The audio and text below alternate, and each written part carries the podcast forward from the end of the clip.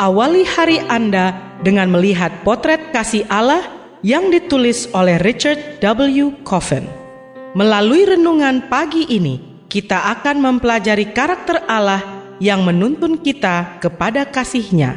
Bersama Pendeta Andre Daimbani, selamat mendengarkan. Shalom, selamat pagi saudaraku. Renungan pagi kita hari ini 8 Juni berjudul Kasih Allah. Ayat intinya diambil dari Yeremia 31 ayat 20. Demikian firman Tuhan. Anak kesayangankah gerangan Efraim bagiku atau anak kesukaan? Sebab setiap kali aku menghardik dia, tak putus-putusnya aku terkenang kepadanya Sebab itu hatiku terharu terhadap dia. Tak dapat tidak aku akan menyayanginya. Mari kita dengarkan penjelasannya. Di dalam satu ayat ini, kita menemukan kata-kata yang menggambarkan potret yang luar biasa tentang Tuhan.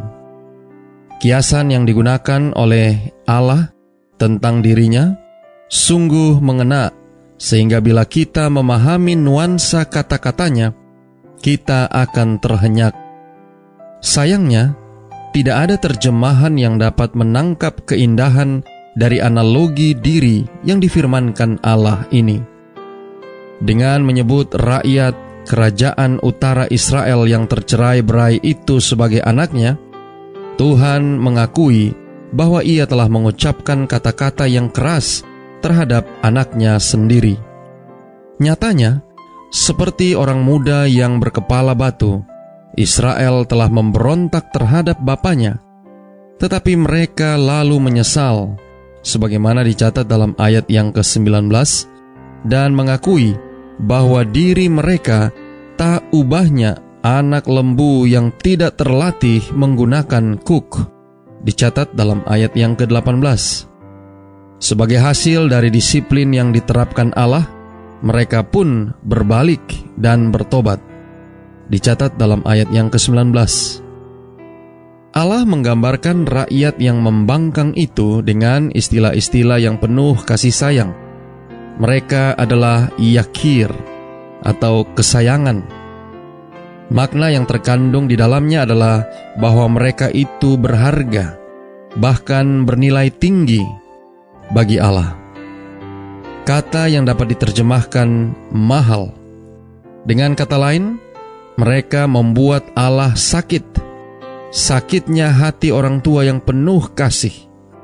Lebih jauh, Allah tetap menyatakan bahwa mereka adalah kesukaannya. Kata Ibrani yang dipakai di sini, sa'asuim, memiliki arti kesukaan yang mendalam sebuah sumber kegembiraan.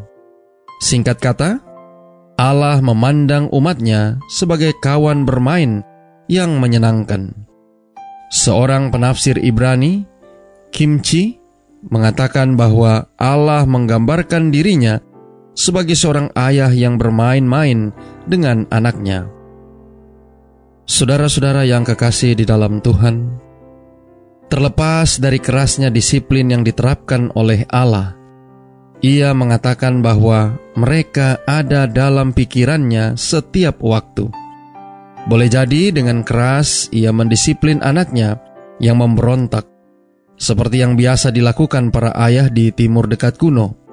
Tetapi tidak berarti ia melupakan mereka, sama sekali tidak. Ketika ia melihat mereka disiksa oleh bangsa Asyur, hatiku terharu terhadap dia. Kata Ibrani yang dipakai di sini berarti hati yang bergejolak. Ia bergolak dan bergemuruh dalam simpati, bukan dalam kepedihan terhadap mereka. Serangan Asyur yang hebat bukan hanya membuat gentar bangsa Israel, tetapi juga membuat Allah membuncah dan bergetar. Demikianlah kasih sayang Allah kepada mereka. Sekali lagi, kita berjumpa dengan kata Ibrani yang memiliki akar kata rahim.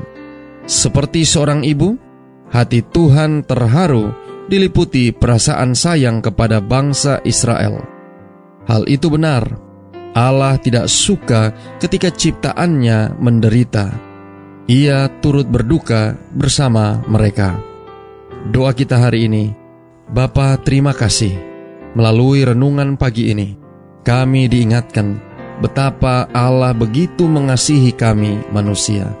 Terima kasih melalui renungan pagi ini kami dapat melihat bagaimana pengalaman Allah bersama bangsa Israel boleh memberikan satu pengharapan kepada kami, agar kami pun juga boleh dapat menikmati kasih Allah di dalam penurutan kami kepadanya.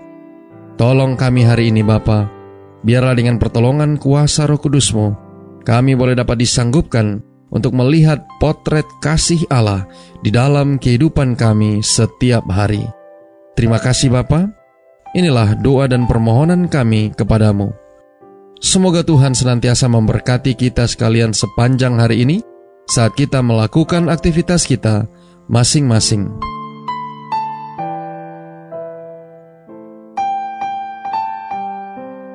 Demikianlah tadi pembahasan tentang potret kasih Allah. Semoga firman Tuhan hari ini dapat menjadi berkat bagi Anda. Sampai jumpa, Tuhan memberkati.